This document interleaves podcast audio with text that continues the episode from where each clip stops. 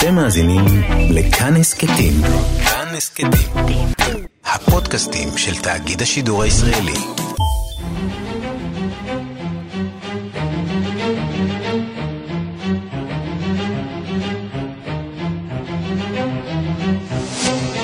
השעה הבינלאומית 6 בנובמבר 2019 והיום בעולם.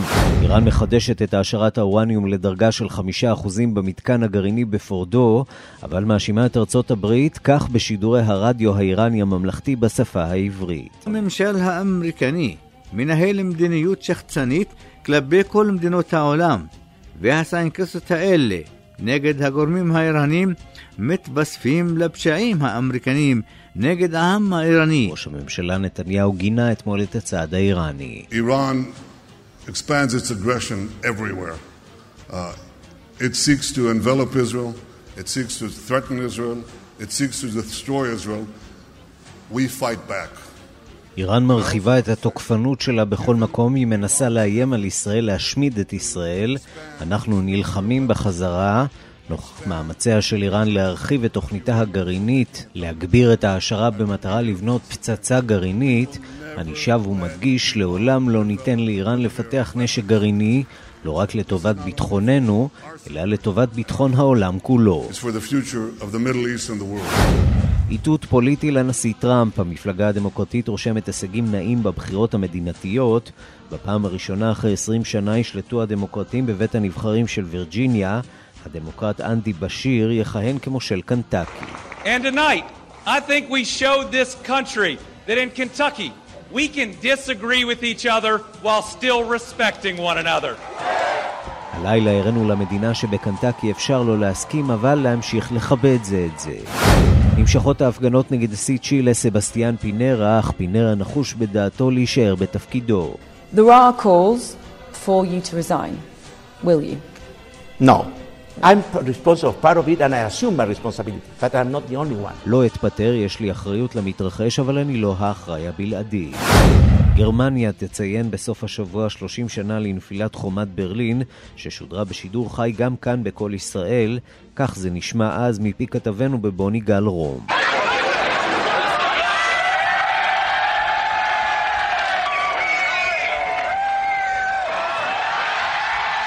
גם אמש נמשכו מחזות השמחה ברחובותיה הראשיים של העיר עד שעות הבוקר. תושבי ברלין חוגגים את הבלתי יאומן, קץ עידן החומה, הסמל השנוא ביותר המסמל את חלוקתה של גרמניה. כל יום נפרק שער נוסף בחומה, ומחזות השמחה המתלווים לכך מחזקים את ההרגשה שההיסטוריה נרשמת בימים אלה כאן, ואת שנעשה אי אפשר להשיב. וגם... So you raise another glass, looking for a different space. קול מעולם המתים, ג'ורג' מייקל בשיר חדש שהוקלט לפני מותו בגיל 53, בשנת 2016, כך אנחנו רוצים להרים אותך, זהו שמו. האם פרסום שירים שהאומן לא החליט על הפצתם בחייו, הוא מעשה הוגן לזכרו. Well, the present is the past. It's hard to more than we've seen. It's hard to be more than we've seen.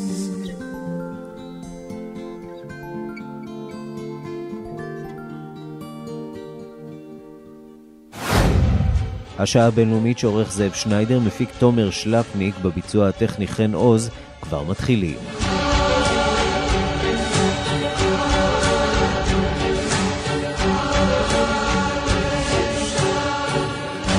שלום רב לכם, אנחנו פותחים באיראן שהחלה להזרים היום גז לסרכזות להעשרת אורניום במתקן התת-קרקעי שלה בפורדו. צעד נוסף בהחלטתה להפר בהדרגה את ההתחייבויות אה, במסגרת הסכם הגרעין.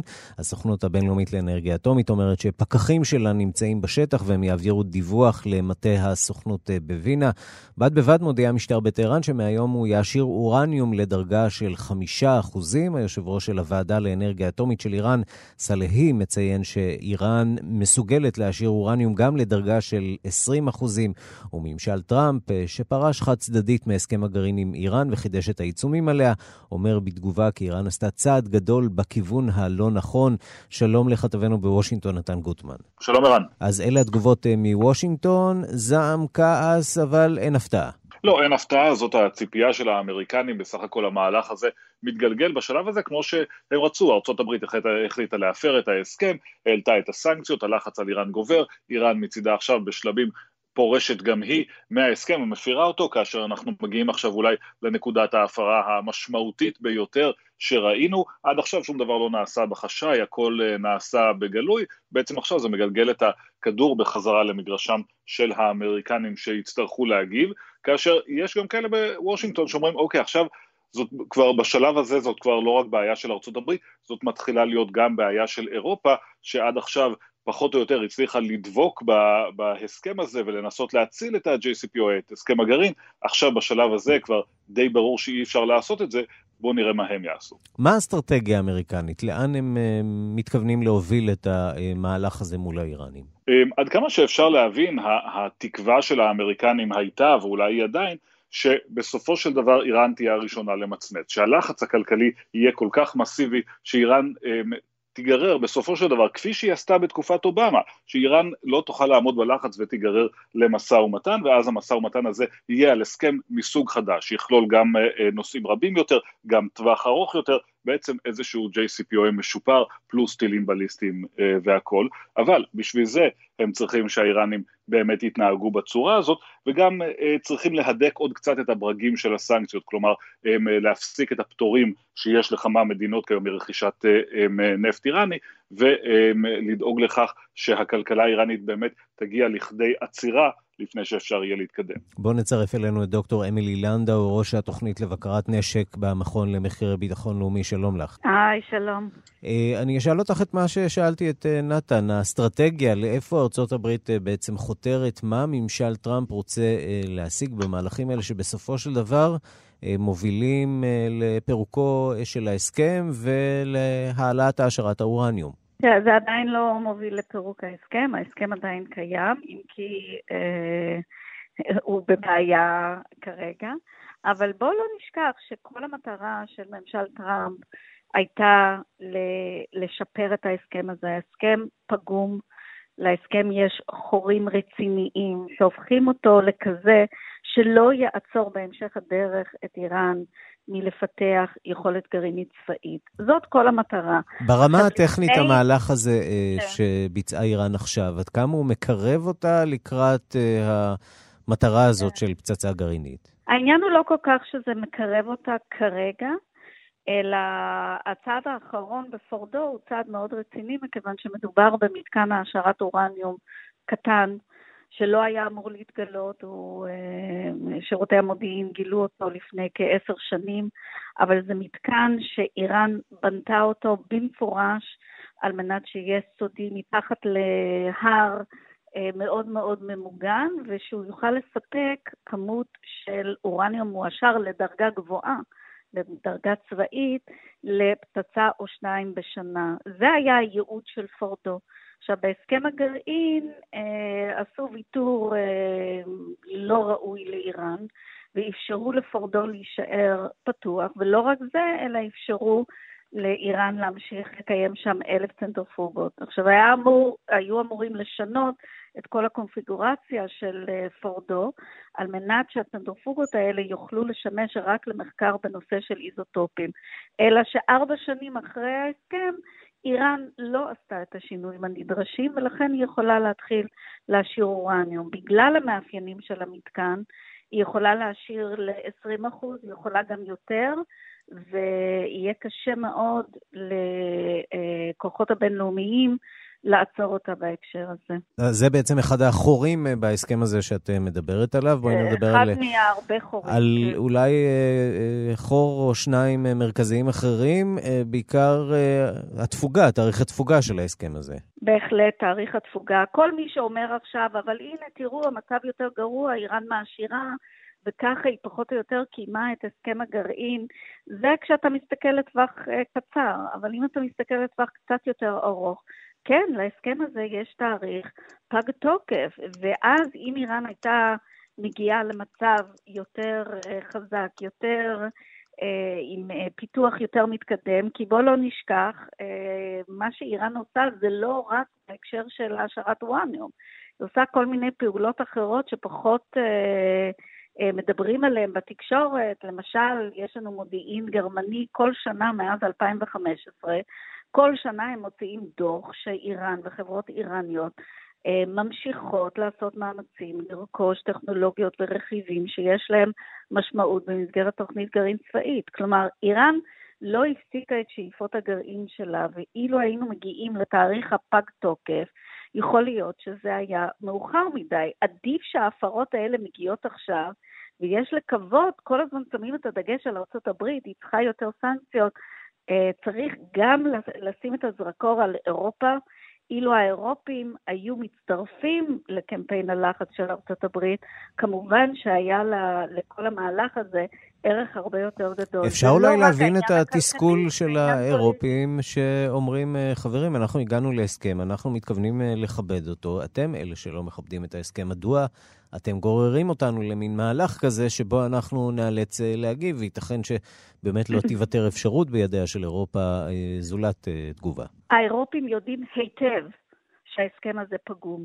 לאירופים יש פשוט אינטרסים אחרים, אינטרסים כלכליים, נמאס כבר אה, לצאת ולצאת עם איראן, הם רוצים לחזור לעסקים. אה, מקרון, אה, לפני יותר שנה וחצי, נאם בפני הקונגרס ודיבר על תוכנית עם ארבעה שלבים כדי לשפר את הסכם הגרעין. הם יודעים היטב שההסכם הזה פגום. אה, הרתיעה שלהם או החוסר נכונות שלהם ללכת עם טראמפ, הקמפיין הלחץ, נובע לדעתי בעיקר מהשיקולים של, אה, בוא נודה על האמת, שנאה די גדולה. לממשל טראמפ, יריבות אסטרטגית בין אה, אירופה לבין ארצות הברית, אילו היו ממוקדים בנושא של מניעת פרוליפרציה, הצעד הנכון היה להצטרף לקמפיין הלחץ, להעביר מסר חד משמעי לאיראן שהצעדים האלה אינם מקובלים, הם אה, יישאו בתוצאות, יהיו עוד סנקציות, אולי דברים נוספים, להוריד את איראן מהכיוון, אבל להגיב כמו שהאירופים מגיבים שהצעדים האלה הם בלתי מקובלים, אבל לא עושים יותר מזה, אני אומרת שצריך גם לבוא אל האירופים אה, בטענות בהקשר הזה. שוב, זה הערך הכלכלי של הסנקציות, אבל זה הערך הפוליטי. אילו איראן הייתה רואה חזית מאוחדת של ארצות הברית והאירופים, לפחות מולה, היה לזה הרבה יותר אה, ערך. וזה בינתיים לא קורה, ואני רוצה לפנות אליך, אה, כתבנו בוושינגטון, אה, נתן אה, גוטמן. לא כולם חושבים בארצות הברית כמו הנשיא טראמפ, וכבר אנחנו בעיצומה של שנת בחירות, נגיד את זה שוב ושוב בשנה הקרובה. כבר הנושא הזה כמובן עולה לסדר היום. ג'ו ביידן, סגן הנשיא לשעבר, הוא מי שמתעתד, מתיימר להיות הנשיא הבא. אומר, אה, לו אהיה, אם אהיה נשיא, אה, אחדש את הסכם הגרעין. כן, זה בעצם, אה, זאת הגישה הרווחת בקרב המועמדים הדמוקרטיים המובילים כרגע, של לחזור להסכם הגרעין. ברור שביידן אולי יותר מאחרים מחויב לנושא הזה, הוא כמובן בא מממשל אובמה, שהסכם הגרעין היה אחת מגולות הכותרת הדיפלומטיות שלו, אבל הדמוקרטים בעיקרון רוצים לחזור להסכם הגרעין. לא ברור אם, אפילו אם יהיה ממשל דמוקרטי, בינואר 2021, אה, לאיזה הסכם גרעין הם יוכלו לחזור ומה בדיוק המשמעות של זה. אה, הנושא הזה לא נידון עד כדי כך לעומק, אה, אבל כאשר שואלים ולוחצים על הדמוקרטים בנושא הזה, כן, הם מדברים על הסכם גרעין עם שינויים, על הסכם גרעין שצריך להיכנס למשא ומתן איתו עם האיראנים בנושא הזה. הם רוצים לחזור לאותו מתווה, אבל לא ברור שאפשר פשוט לחזור הם, לאותו הסכם שהיה על השולחן ב-2015, פשוט בגלל כל השינויים שקרו מאז. אז. דוקטור אמילי לנדאו, שנה לבחירות, האם אה, ישראל צריכה להתחיל להיערך אולי לשינוי בוושינגטון, אולי לממשל? אה, באופן פוטנציאלי אה, פחות, שתפיסותיו עולות בקנה אחד עם התפיסה הישראלית. ישראל בהחלט צריכה להיערך. ישראל אסור לה להיות במקום שהיא מזוהה עם מפלגה אחת בארצות הברית, עם המפלגה הרפובליקנית. זה לא טוב לאינטרסים של ישראל, לא מקדם את האינטרסים. ישראל חייבת למצוא את הדרך אה, להידברות גם עם המפלגה הדמוקרטית שמשנה את פניה, אנחנו יודעים, ריבוי הפרוגרסיביים, זאת אומרת, אה, גם לננסי פלוסי קצת קשה להתמודד עם המגמות החדשות במפלגה הדמוקרטית, אבל אין ברירה, ישראל חייבת להיות נושא אה, לא מפלגתי בארצות הברית, אה, שוב, לא משרת את האינטרסים שלה. לגבי אה, אם, המוע... אם מועמד דמוקרטי באמת אה, יחזור להסכם הגרעין, יש לקוות שלא יקבלו החלטה כל כך לא נכונה, ואני יכולה להגיד שחלק מהתומכים הגדולים באקדמיה או מחוץ לממשל בהסכם הגרעין גם אומרים וגם כותבים שהכי אה, בעייתי יהיה אם מועמד דמוקרטי פשוט יחזור להסכם המקורי בלי שום, אה, אה, בלי שאיראן תצטרך אה, לוותר על שום דבר, אנחנו כרגע mm-hmm. במקום אחר וצריך להתייחס אחרת. ערן, אני יכולה רק במילה אחת, כן, לסיום. לפני כן. שתוריד אותי מהקו, שבשבוע הבא, ביום שני ושלישי, אנחנו מקיימים במכון המחקרי ביטחון לאומי כנס בינלאומי בנושא בקרת נשק בתחום הגרעיני. אנחנו נעסוק במכלול אה, שלם של אה, סוגיות, אה, גם בפאנלים סגורים, אבל גם יש הרצאות פתוחות לקהל הרחב. כמובן נתמקד באיראן וצפון קוריאה, והציבור מוזמן. מומלץ בהחלט. דוקטור אמילי לנדאו, ראש התוכנית לבקרת נשק במכון למחקרי ביטחון לאומי, תודה רבה לך. תודה לכם. אנחנו שווים ביי. אליך, כתבנו בוושינגטון אה, נתן גוטמן, אה, והדמוקרטים אה, בהחלט יכולים לשאוב עידוד מבחירות שהתקיימו אתמול בכמה מדינות בארצות הברית. כמעט לא עסקנו בזה כאן, אבל עד כמה מדובר באמת באינדיקציה, בחירות למושלים, בחירות לבתי נבחרים מקומיים, עד כמה זו אינדיקציה... לרוח של שינוי שעוברת על אה, ארצות הברית. אז זו אינדיקציה, אם אתה מנצח אז אה, זאת אינדיקציה שהמפלגה שלך בכיוון הנכון, ואם אתה מפסיד אז אתה אומר שזה לא קשור לשום דבר. זה בסופו של דבר, כך זה מתנהל. ראינו אתמול אה, בחירות בשלוש מדינות, במיסיסיפי אמ, האדומה נשארה אדומה, מושל רפובליקני ניצח, לא היו שם שום הפתעות. אמ, קנטקי, מדינה מעניינת, מדינה אדומה. מדינה שהנשיא טראמפ השקיע בה מאמץ אמיתי כדי לעזור למשה להיבחר, הוא היה שם בלקסינגטון רק ביום שני האחרון בעצרת ענקית, אה, מאוד דחף לנושא הזה, אבל זה לא עזר. הדמוקרטים, אה, הרפובליקנים הפסידו את מושלות אה, קנטקי, וזה כן משמעותי, זה סימן לכך שאין כאן איזושהי הצבעה פרו-טראמפית, פרו-רפובליקנית אוטומטית, זה לא בהכרח אומר שקנטקי תפנה עורף לדונלד טראמפ בבחירות הכלליות, אבל זה כן מראה שיש שם יותר גיוון ויותר סיבה לדאגה אצל הרפובליקנים. בואו נשמע תחילה דברים שאומר המנצח, המועמד הדמוקרטי אנדי בשיר. Tonight, voters in Kentucky sent a message loud and clear for everyone to hear. It's a message that says our elections don't have to be about right versus left. They are still about right versus wrong. כן, המסר הכללי והמאחד, אגב, צריך לשים לב שמועמדים אה, דמוקרטיים במדינות אה, מהסוג הזה, תמיד מנסים לשדר מסר מתון יותר, לא מסר ליברלי מדי, כדי לדאוג לכך שגם מצביעים מהמרכז ומצביעים רפובליקנים יעברו אליהם. מעניין לציין שהרפובליקנים לא מקבלים עדיין את אה, הכרעת הבוחר בקנטקי, יש אה, לפי הספירה רוב של 5,000 קולות אה, למען בשיר, אבל הרפובליקנים דורשים ספירה מחודשת או בדיקה מחודשת של הקרב הצמוד הזה, כך נשמע המושל, אולי המושל היוצא הרפובליקני, מאט בבן. With respect to our race, would it be would it be a Bevan race if it wasn't a squeaker? I mean, come on. I mean, really and truly, this is a close, close race. We are not conceding this race by any stretch. Not a chance. And here's the thing understand this, though. Understand this. We want the process to be followed, and there is a process.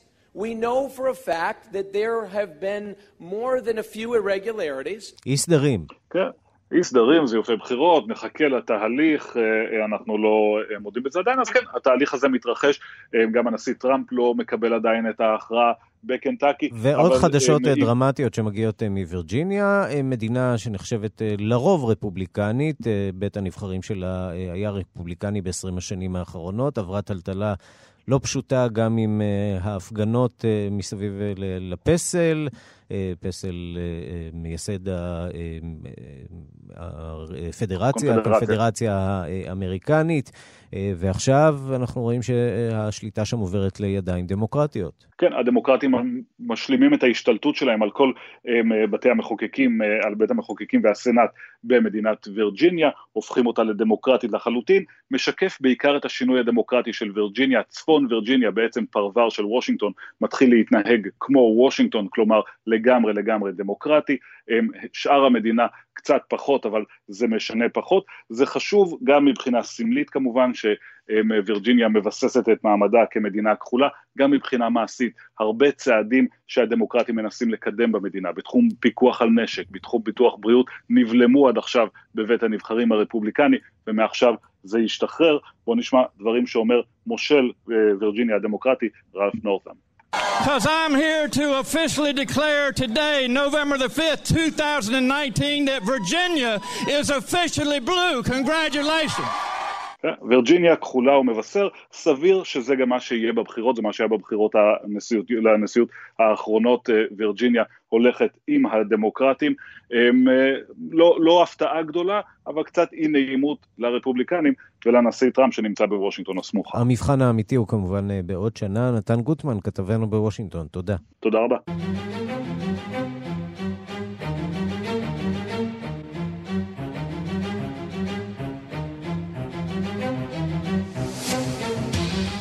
השעה הבינלאומית אנחנו נשארים בצפון אמריקה. האם מדיניות הנשיא דונלד טראמפ נגד פליטים ומהגרים תוביל להצבתה של קנדה ברשימה השחורה של מדינות לא בטוחות? התביעה הזאת נידונה השבוע בבית המשפט בקנדה, מדווחת כתבתנו בוונקובר, לימור שמואל פרידמן. ארגון אמנסטי הבינלאומי דורש מבית המשפט בקנדה לקבוע שארצות הברית איננה מדינה בטוחה למבקשי מקלט. בין קנדה לארצות הברית נמתח גבול באורך של יותר מ-8,000 קילומטרים. רובו לא מסומן ולא מגודר, ובעצם לא קשה לשבת באמצע יער או שדה, רגל פה ורגל שם. בשנתיים האחרונות חצו את הגבול לא גבול למעלה מ-50 אלף מבקשי מקלט. אילו היו חוצים במעברי גבול רשמיים בין קנדה לארצות הברית, שמורה לקנדה הזכות להחזירם על עקבותיהם לאמריקה, שכן זו המדינה הבטוחה הראשונה אליה הגיעו, כך על פי האמנה הבינלאומית.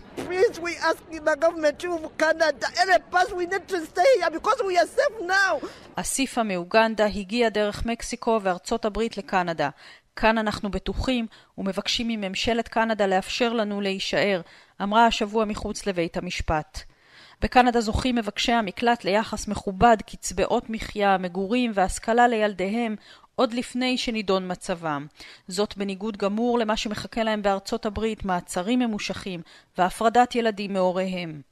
דוקטור קלי סנדברג, לשעבר תובע במשטרת קנדה ומומחה בנושא מהגרים, מסביר כי תחת המדיניות הנוכחית של ארצות הברית, הסיכוי לקבל שימוע בבית משפט שם הוא נמוך. They know that uh, under the current administration in the United States, their chances of having a positive refugee hearing is, is, is quite slight. אם בית המשפט יקבל את הטענות ויכריז על ארצות הברית מדינה לא בטוחה לפליטים, מדינת המהגרים הגדולה תצטרף לרשימה שחורה של מדינות ללא זכויות אדם, כמו אריתריאה, סוריה, סומליה ואפגניסטן.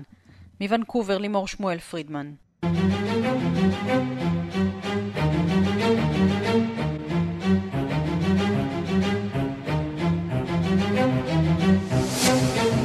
ז'אן קלוד יונקר, נשיא הנציבות האירופית היוצא, שצפוי לסיים את תפקידו בקרוב, העניק ראיון לכתבת ה-BBC קטיה אדלר, ובו אה, שיתף בתסכולו מהליך הברקסיט הממושך. עם זאת, אומר יונקר, שהוא מאמין שעד סוף חודש ינואר יאושר ההסכם בין בריטניה לאיחוד. הוא לא מאמין שיתקיים משאל עם נוסף, ובינתיים מערכת הבחירות בבריטניה יוצאת היום לדרך באופן רשמי. שלום לכתבנו בלונדון, עידו סואן. שלום, שלום ערן. ז'אן קלוד יונקר. אז כן, אה, ז'אן קלוד יונקר העניק אה, ראיון לקטיה אדלר, אה, בו הוא שוחח על מצבו של האיחוד האירופי, על דונלד טראמפ, הסכם הסחר החופשי העתידי בין בריטניה לאיחוד, ואיך לא, גם על הברקסיט עצמו. נשמע קטע מהראיון.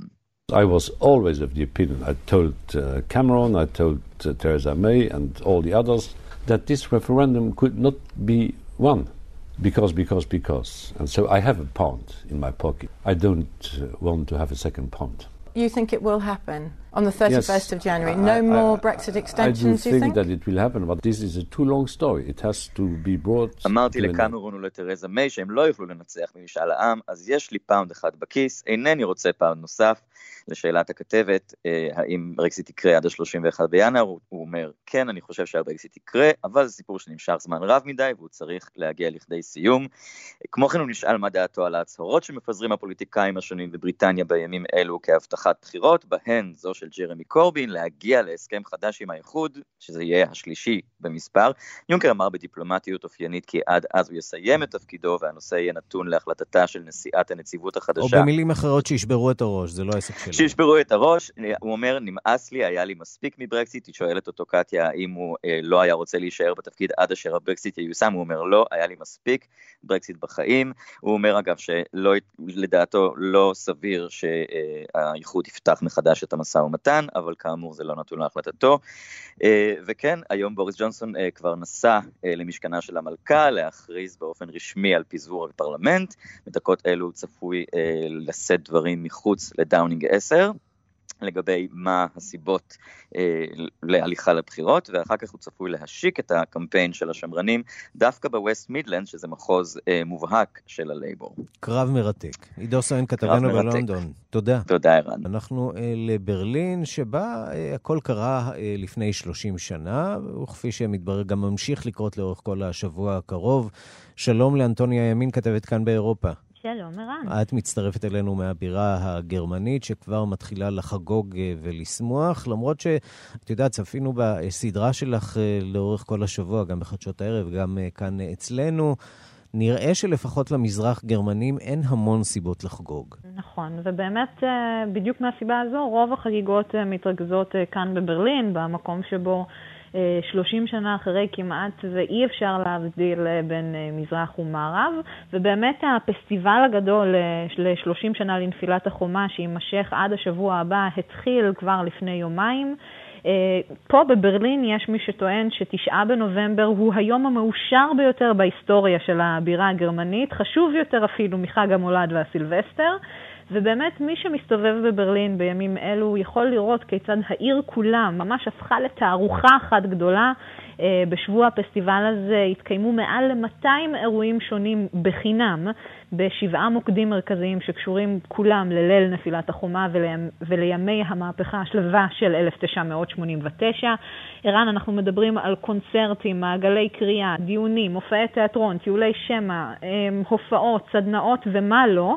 אה, בשער ברנדנבורג הוצב לאחרונה מיצג אומנותי מיוחד של 30 אלף נורות שעליהן נכתבו מסרים ומשאלות למען עתיד של שלום ואחווה, וכמובן ששיאו של כל השבוע הזה יגיע בערב של התשעה בנובמבר, ביום שבת, בשער ברנדנבורג עם הופעת מולטימדיה ומסיבה ענקית שתימשך עד השעות הקטנות של הלילה. אנטוניה ימין, כתבת כאן באירופה, תודה. תודה, ערן. וגדעון קוץ, כתבנו שהיה אז בברלין, נזכר באותם ימים של תקווה, בנובמבר 1989. מעברה השני של החומה נשמעו מהלומות עזות, הקיר החל לרעוד, והקולות מן העבר השני נשמעו ברורים יותר ויותר. קהל המערב ברלינאים שסביבי עצר את נשימתו, לאט לאט נפער חור קטן בחומה, ואבנים החלו ליפול כשהוא הלך והתרחב. לפתע הציץ ראש ואחריו רגליים וגוף של צעיר צנום ושחרחר.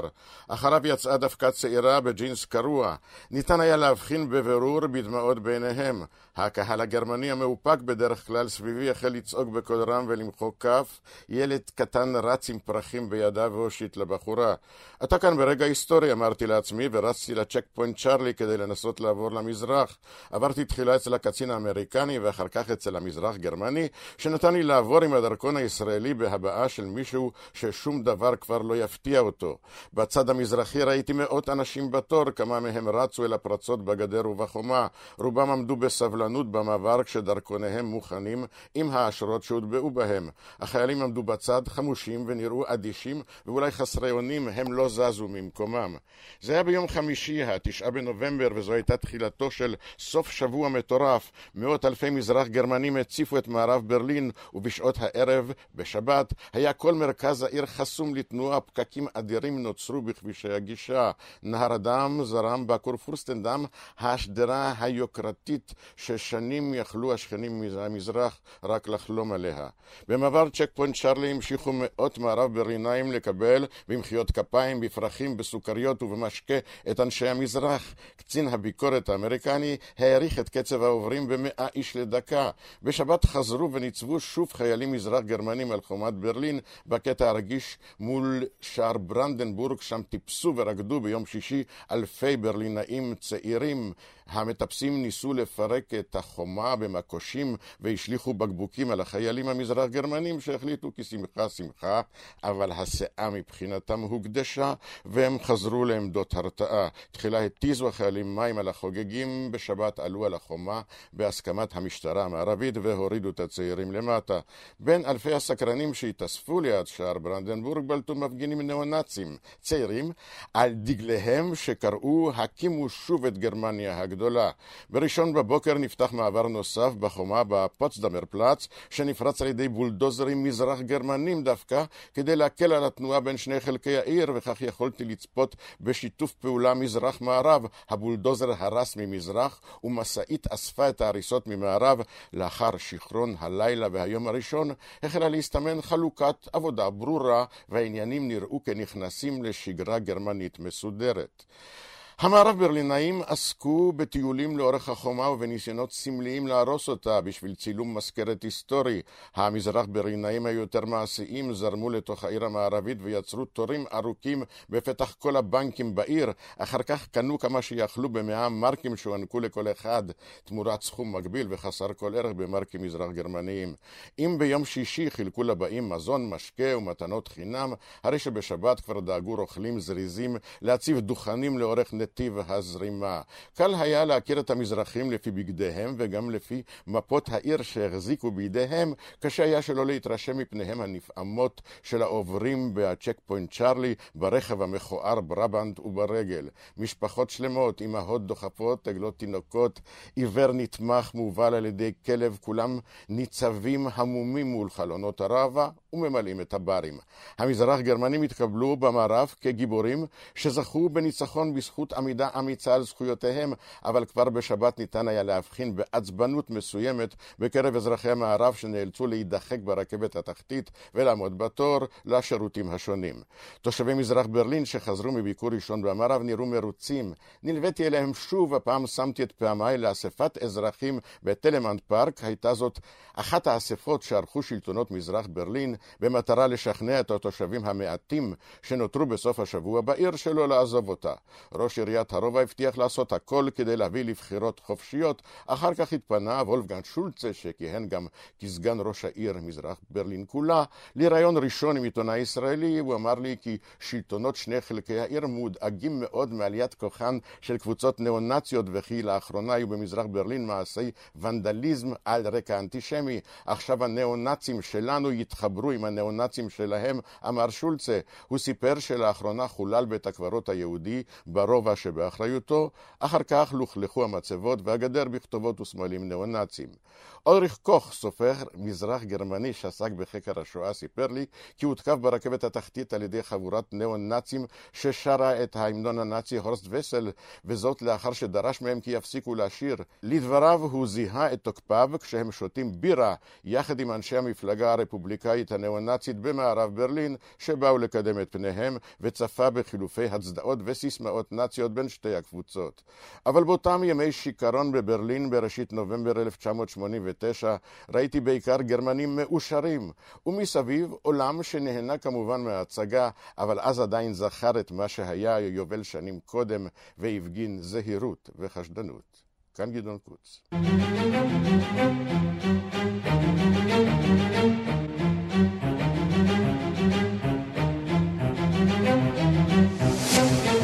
זיכרונות מברלין 89. שרת ההגנה הצרפתית פלורנס פרלי הודיעה אתמול כי כוח ברקן, בשיתוף פעולה עם צבא מאלי, הרג לפני כחודש בכיר ג'יהאדיסטי.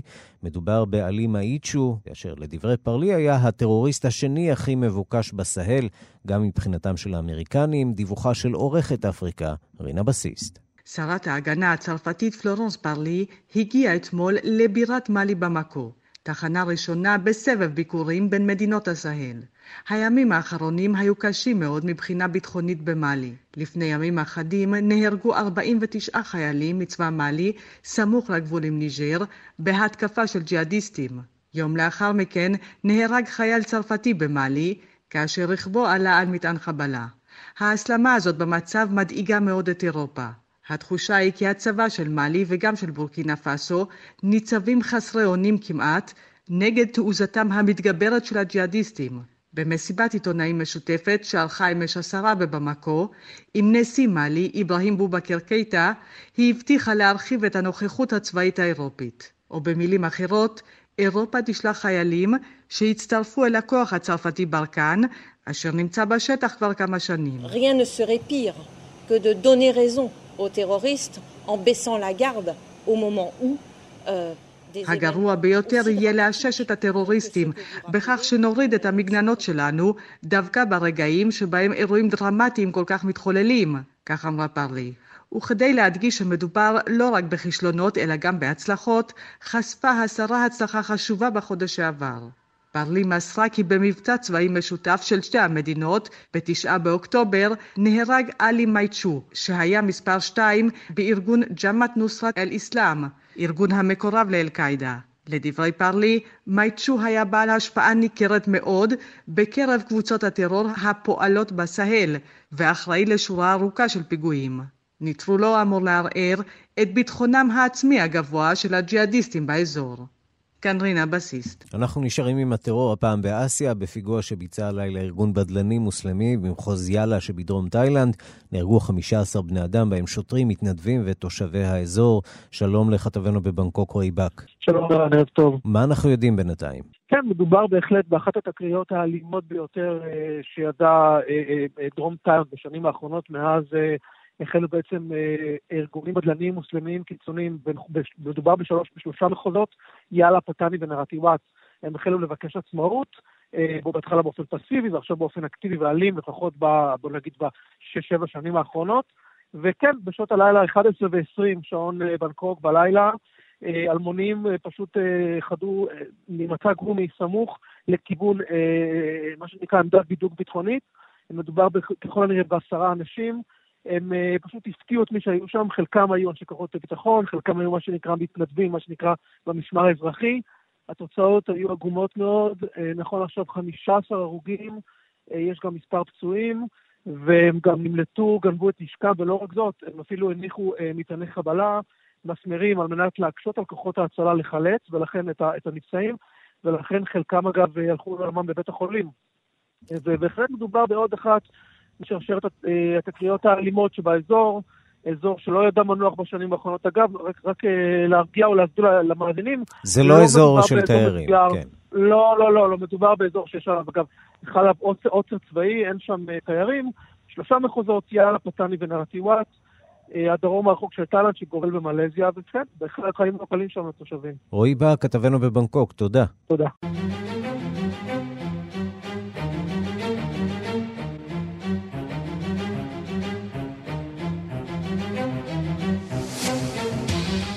השעה הבינלאומית אנחנו עם קצת תרבות ועם המלצת סוף השבוע שלנו לסרט דיוקן, נערה עולה באש. שלום למירי קרימולובסקי, חוקרת התרבות בארץ ובעולם. שלום, שלום, ערן. זוכה פרס התסריט בפסטיבל כאן.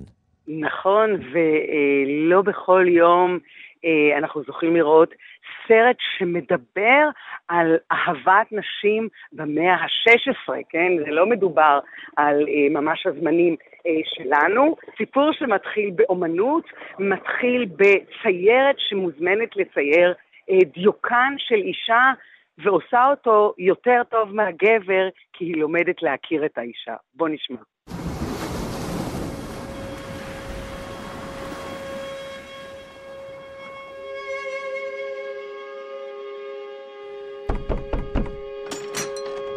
peindre. L'homme intéressé par ma fille est milanais. Nous partons là-bas si le portrait lui plaît. Il a épuisé déjà un peintre avant vous. Que s'est-il passé Je ne sais pas. בעצם מדובר באישה שמוזמנת אחרי, ש... אחרי שהיה בעצם צייר. צייר צייר את הבחורה היפה הזאת, והיא לא הייתה אה, מרוצה, ואז מוזמנת ציירת, שאגב זה כמובן מאוד חריג לתקופה הזאת. זה סרט מיוחד ואני חושבת שבגלל זה כל כך העריכו אותו בכאן. קודם כל הוא עשוי מאוד יפה, כל פריים בו הוא כמו באמת אה, ציור בפני עצמו, אבל העובדה שזה... סרט... והוא גם עוסק בחוויה, סרט... באמת החוויה הנשית, שזה אה, נכון, נושא שפחות עוסקים בו. נכון, בצורה מאוד... כן, מאוד עדינה בדיוק. יש לנו הרבה מאוד אה, סרטים על הומוסקסואליות, אבל פחות על אהבת נשים. זה גם סרט אמיץ, כי אין בו בכלל גברים. נדמה לי שאולי רואים אה, גבר מסוים איזה חצי דקה, והיא בעצם אה, מדברת על אה, משהו שהיה בעצם מאז ומעולם. אה, אבל כמובן שלא דיברו עליו, כמובן שלא ראו אותו. סרט ממש ממש פיוטי, שאני חושבת שהוא כמעט סרט חובה לכל גם בני הנוער, בנות הנוער, אולי נאמר, בנות הנעורים, שהנושא הזה עולה אצלם, או החרדה בפני אה, דבר כזה, כי הסרט הזה, היא עושה את זה באמת באופן, אני לא רוצה לעשות ספוילר, אבל באופן כל כך אלגנטי וכל כך יפה, שגם המסנגדים, כן, המתנגדים, לסרטים מן הסוג הזה, בעצם יוצאים מהסרט לדעתי אה, נפעמים לחלוטין. אז מי עולה שם באש, הדיוקן או הנערה? אה, הדיוקן הראשון, לא הדיוקן השני. הדיוקן הראשון שעשה אותו הגבר שלא הבין לנשמתה, אתה יודע, בדיוק נאות, כל החוכמה היא, תחשוב על רמברן שתמיד צייר את עצמו, על ואן גוך, איך אתה בעצם מעביר משהו שהוא מעבר לפסאדה החיצונית. והיא בעצם מצאה את המפתח אל הדיוקן. הדמות הזאת, ומזה זה כאמור אה, מתפתח לסיפור אה, יוצא דופן. אז זאת ההמלצה שלי, אה, דיוקן הנערה עולה באש. מירי קרימולובסקי, חוקרת התרבות בארץ ובעולם, תודה. תודה, ערן.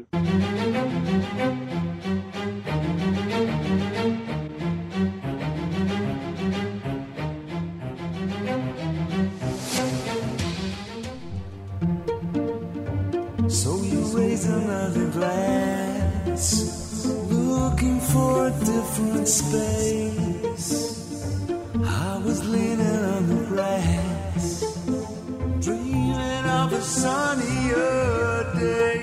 כמה שהתגעגענו לקול הזה, שיר מעולם המתים, ג'ורג' מייקל המת, מפרסם אה, שיר חדש, ושלום למשה מורד, איש המוסיקה העולמית שלנו. שלום, ערן. ומי שהכיר את ג'ורג' מייקל. כן, קודם כל לגבי השיר, שיר יפהפה. Mm-hmm. פשוט uh, שמעתי את שדרנית ה-BBC הבוקר אומרת שהוא מחמם את ליבה כל פעם שהוא משמיע אותו. בדרך כלל יש לי הסתייגות גדולה משירים שמתפרסמים uh, אחרי המוות. כי למה בעצם לא הוציאו אותם אז, ואולי האומן לא כל כך אהב, אבל פה הסיפור לגמרי אחר. מה קרה כאן? מה שקרה כאן, הוא הקליט את זה בסשן האחרון שלו בחייו, אה, ממש אה, ב-2015, אה, בסוף 2015, ואז אמה תומפסון, השחקנית, פנתה אליו.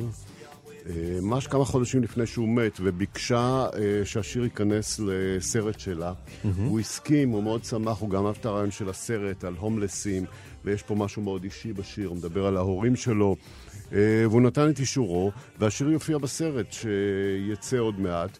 עכשיו, נתנו לו את הכבוד לשיר, כי זה שיר שלהבדיל ממה שאנחנו עושים עכשיו, זה לא יפה להשמיע אותו ממש כמה שניות ולדבר עליו, הוא שיר mm-hmm. נפלא. והוא יהיה בסרט פשוט שיר הסיום, ואז ישמעו את קולו, מי שישאר אה, באולם אה, לאורך הקרדיטים. זה לגבי השיר. אז שוב, בניגוד אה, לדעה שלי בדרך כלל, שאני לא... זה היה על דעתו, אתה אומר, זה היה על דעתו, והשיר הוא יפהפה ומרגש ועושה צמרמורת, וכמו שאמרת, זה שוב ג'ורג' מייקל, שאנחנו כל כך אוהבים. אז בוא נשמע. רצית לשמוע על ההתחלה. כן. בוא נשמע את השיר. בוא נשמע קצת משהו מהשיר.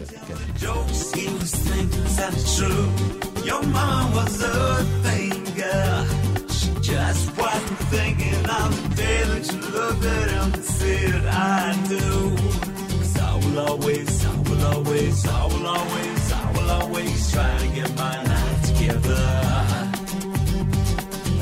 או שאתה הכרת אותו בשנים הראשונות שלו, אה, בתחילת כן. הקריירה, שהסתיימה כפי שהסתיימה, אה, עצוב. כן, נכון. טוב, אני אספר לך, המפגש הראשון שלי, זאת אומרת, שראיתי אותו, אה, זה היה ב-1980, אני בדיוק נחתתי בלונדון. נזכיר שבשעתו ניהלת חברת תקליטים גדולה. כן, אבל זה הרבה לפני זה. זה כשהגעתי ללונדון, חי, חייתי בין 80 ו-84 בלונדון, הגעתי אחרי גלי צה"ל, 1980, ג'ורג' מייקל בן 17, אני בן 21 אה, נדמה לי אחרי השירות הצבאי, וראיתי אותו אה, במקרה, הוא וחברים כמה פעמים. אה, במועדון גייז שהייתי הולך אליו, mm-hmm. באזור הרינגיי. הרינגיי בלונדון זה בצפון לונדון, שכונה שיש בה גם הרבה קפריסאים, יוונים וטורקים, והוא הרי ממוצא קפריסאי. Mm-hmm. אז uh, אני זוכר דבר מאוד מרגש, uh, כמה חודשים אחרי שהגעתי, אה, הדי-ג'יי, שלצערי מת אחרי זה, הוא היה אחד הראשונים שמתו, ששמענו שמתו מאיידס אז בלונדון, אותו די-ג'יי, השמיע שיר, אומר, קיבלתי white label, זה היה, היינו מקבלים את התקליטים על... אה, ללא לייבל לבן מחברת, לפני שהם יצאו בחברת שדרים. תקליטים, תקליטי שדרים, פרומואים. אומר, תקליט ווייט לייבל של אחד החבר'ה שלנו, של ג'ורג'י uh, ואנדרו, החבר'ה שלנו כאן מהמועדון, ואז הוא השמיע את זה, וזה היה one rap. אה, אה, השיר הראשון שלהם. מה שקרה זה שהיה באותו מועדון, הבנתי, גם אחד מאנשי ה... אה, ציידי הכישרונות, A&R, של חברת CBS בזמנו, לפני סוני. ויכול להיות ששם הוא התגלה, או לא, אבל בכל מקרה, זה היה בגיל 17. אחרי זה יצא לי לפגוש אותו באירועים כבר יותר גדולים, של חברות... חברת המוזיקה, של סוני, של CBS, חברה שהיה לה סכסוך איתו כמה זמן, אבל אה, כן, זה עוד, כבר סיפור עוד, אחר. עוד סיפור על הזמר הנהדר הזה. אבל ואנחנו... איש מדהים, מכל, אני גם מכיר אנשים שהכירו אותו אישית, והיו אצלו בבית, באירועים שהוא עשה לאבא שלו, וזה... ואנחנו איש... לפחות uh, מרוויחים עוד uh, הדרן נוסף uh, מג'ורג' מייקל. משה מורד, איש המוזיקה העולמית שלנו, תודה. ואת השיר הזה אני בטוח ישמעו הרבה בתחנת הרדיו כאן. ללא ספק. ועד כאן השעה הבינלאומית, מהדורת יום רביעי האחרונה בשבוע, בצוות העורך זאב שניידר, מפיקים תומר שלפניק ואורית שולץ, הטכנאים חן עוז ושמעון דוקרקר, אני רנסי קורל, אחרינו רגעי קסם עם גדי לבנה. אתם מוזמנים אה, ליצור איתנו קשר, ובכלל לעקוב אחר ההסכת שלנו, חפשו אותנו גם בגוגל תחת השם כאן עולמי. מחר מרחבת עם ערן זינגר, שחוזר סוף סוף מחופשת לידה, ברוך הבא. להתראות.